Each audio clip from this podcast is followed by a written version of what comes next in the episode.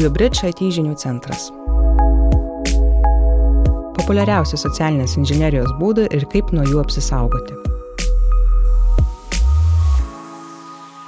Per pastarąjį dešimtmetį kibernetinio saugumo kontekste vis daugiau dėmesio sulaukianti socialinė inžinierija vienas seniausių žmonijos išradimų.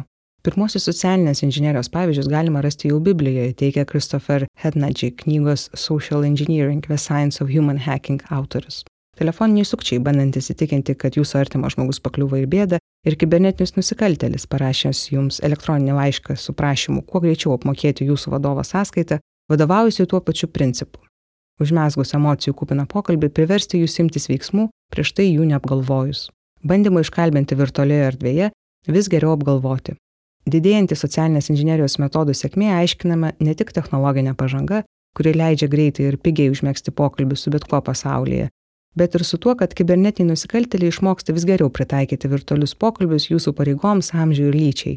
Socialinė inžinierija yra politiškai nekorektiška, perspėja savo knygoje Hednadžiai ir paragina nenustepti susidūrus su savo profesinio ar asmeninio gyvenimo aplinkybių paminėjimu kibernetinės atakos metu.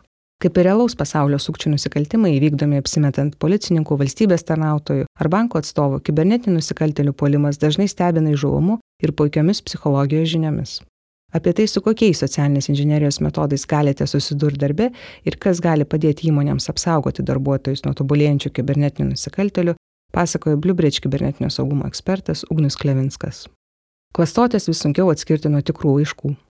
Labiausiai paplitęs socialinės inžinierijos metodas tai phishingas, verčiant pažodžiui žvėjojimas, kai daugybė žmonių siunčiami suklastoti laiškai neva iš programinės įrangos gamintojų, banko, advokatų ir taip toliau. Kaip pasakoja pašnekovas, phishingo klasika tai elektroniniai laiškai su kenksmingų programinių kodų prisegtuke arba nuorodoje, pranešantis apie jūsų kompiuterio ar programinės įrangos veikimo problemas, viruso atakas arba netikėtą loterijos laimėjimą. Tai gali būti ir padirbtos sąskaitos, kurias nevasiunčia jūsų programinės įrangos gamintojai. Arba žinutės Facebook raginančios kuo skubiau apmokėti tam tikras išlaidas. Šiuo metu populiarėja ir kitokie phishingo metodai, kurie nukreipti į tikslinės grupės įmonės viduje, pavyzdžiui, vadovus ar buhalterijos darbuotojus. Tokios atakos jau būna geriau apgalvotos, o jų metu siunčiamos klastotės daug kokybiškesnės. Jei tipinis phishingo laiškas gali būti atpažintas iš gramatinių klaidų, nerišlių sakinių, keistos vizualinės dalies ir paslėptų nuorodų, tai tikslinės atakas atpažinti sunkiau. Keistas elektroninio pašto adresas, esminis laiško nelogiškumas ir kiti ženklai, paprastai išduodantis klastotę, į akis krenta tik atidžiai perskačius laišką kelis kartus. Atskirais atvejais tikslinio atako laiškai savo kokybė prilyksta legalaus turinio laiškams, pabrėžia pašnekovas. Siekiant vertingiausio grobio arba banginių medžioklę. Galima išskirti du pagrindinius phishingo pogrupius. Tai tikslinis phishingas, kai taikomas į vertingos informacijos galinčius turėti darbuotojus ir aukščiausio lygio vadovo atakavimas arba banginių medžioklė. Kaip pasakoja Bliubridge saugumo ekspertas, vadovai yra idealus grobis dėl kelių priežasčių. Pirma, aukščiausi vadovai neturi laiko gilintis į kiekvieną gautą laišką ir jiems dažnai suteikiamas nuolaidos įgyvendinant saugumo politiką. Antra, vadovai turi prieimą prie pačios svarbiausios įmonės informacijos ir sistemų. Galiausiai, kaip rodo garsiau nuskambėję atvejai, pelnas gautas apgavus vadovus gali siekti milijonus. Tiesa, pasirengimas banginių medžiokliai kainuoja brangiai ir užtrunka daugiau laiko, todėl tokios atakos retesnės. Dažniausiai aukščiausios grandies vadovai užpuolami suklastojus laišką, kuris atrodo lik atsiųstas iš patikimo šaltinio, pavyzdžiui, iš kitos tos pačios organizacijos vadovo. Kai kada vadovų tapatybė pavogiama ir laiškas siunčiamas žemesnės grandies vadovams jų vardu. Siekiant apsisaugoti nuo banginių medžioklės, efektyviau pasitelkti papildomus autentifikavimo arba tikrinimo veiksmus, reikalingus visiems jautriems prašymams, pavyzdžiui, elektroniniams mokėjimams, komentuoja Ugnius Klevinskas. Tarp dažniausių taikinių ir pardavimų vadybininkai. Kalbant apie tikslinį phishingą, su kuriuo gali susidurti bet kuris organizacijos darbuotojas, svarbu žinoti, kad klastotės irgi bus pritaikytos darbuotojo pareigų specifikai. Kaip dažniausius taikinius išskirčiau administraciją ir vadovo asistentus, personalo skyrių ir pardavimų vadybininkus. Šios auditorijos turi gana ryškius skiriamuosius bruožus. Pavyzdžiui, pardavimų vadybininkai yra įpratę gauti svarbius pasiūlymus elektroniniu paštu, greitai juos reaguoti ir nebijo užmėgsti kontaktus su nepažįstamais žmonėmis. O personalo skirių specialistai įprastai gauna daug laiškų iš išorės, dažniausiai iš fizinių asmenų, siunčiačių savo gyvenimo aprašymus. Todėl nedvėjodami atidaro laiškų prisektukus dėsto Ugnius Klevinskas. Dar vienas dažnas taikinys - administracijos darbuotojai ir vadovo asistentai masina dėl galimybės gauti prieigą prie svarbios vidinės korespondencijos. Kaip atkreipė dėmesį Ugnius Klevinskas, nors ši darbuotojų grupė yra kruopšti, ją gali paveikti argumentai, jog reikia tik trupučio papildomos informacijos, nes visus kitus duomenius jau suteikia vadovas, arba kad į juos kreipiamasi vadovai paprašius ir taupant jo brangų laiką. Įpročiai ir technologijos padedančios apsisaugoti. Nors neretai pažymima, kad žmogus silpniausia kibernetinio saugumo grandis, Bluebridge saugumo ekspertas patikina, kad technologijos tikrai gali sumažinti virtualių manipulacijų riziką.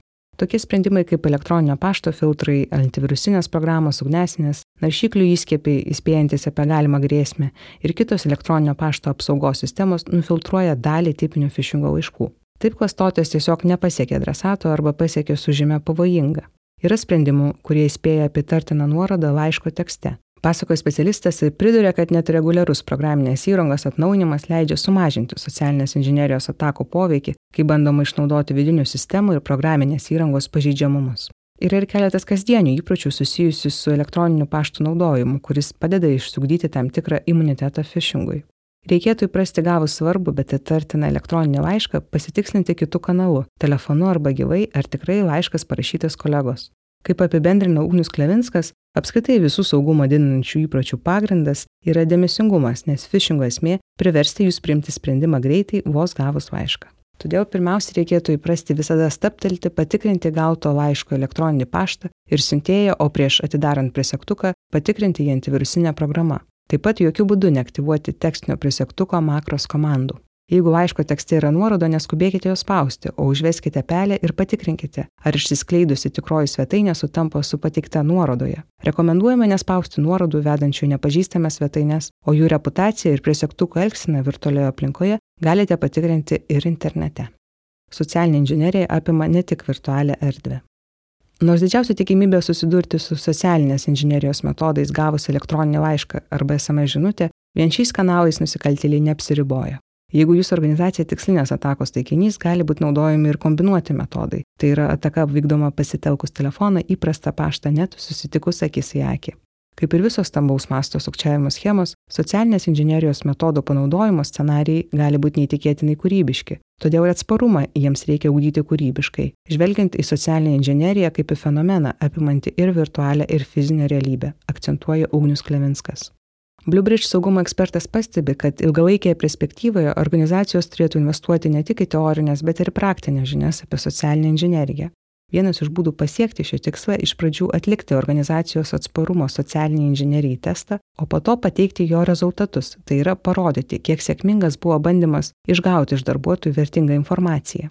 Praėjus kuriam laikui testą reikėtų pakartoti.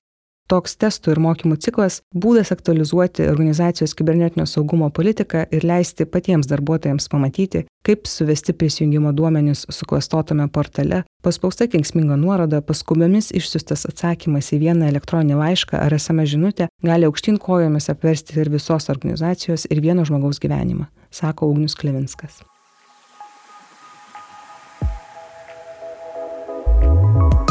Jūs girdėjote Bluebridge IT žinių centro straipsnį. Daugiau verslui ir IT bendruomenė aktualios informacijos, eksperto įžvalgų, klientų sėkmės istorijų ir IT sprendimo apžvalgų rasite Bluebridge svetainėje adresu bluebridge.lt pasvirasis brūkšnys IT žinių centras. Straipsnį garsino Inga Glebova, muziką sukūrė Bluebridge IT inžinierius ir elektroninės muzikos kuriejas Edgar Chmilkoji visi.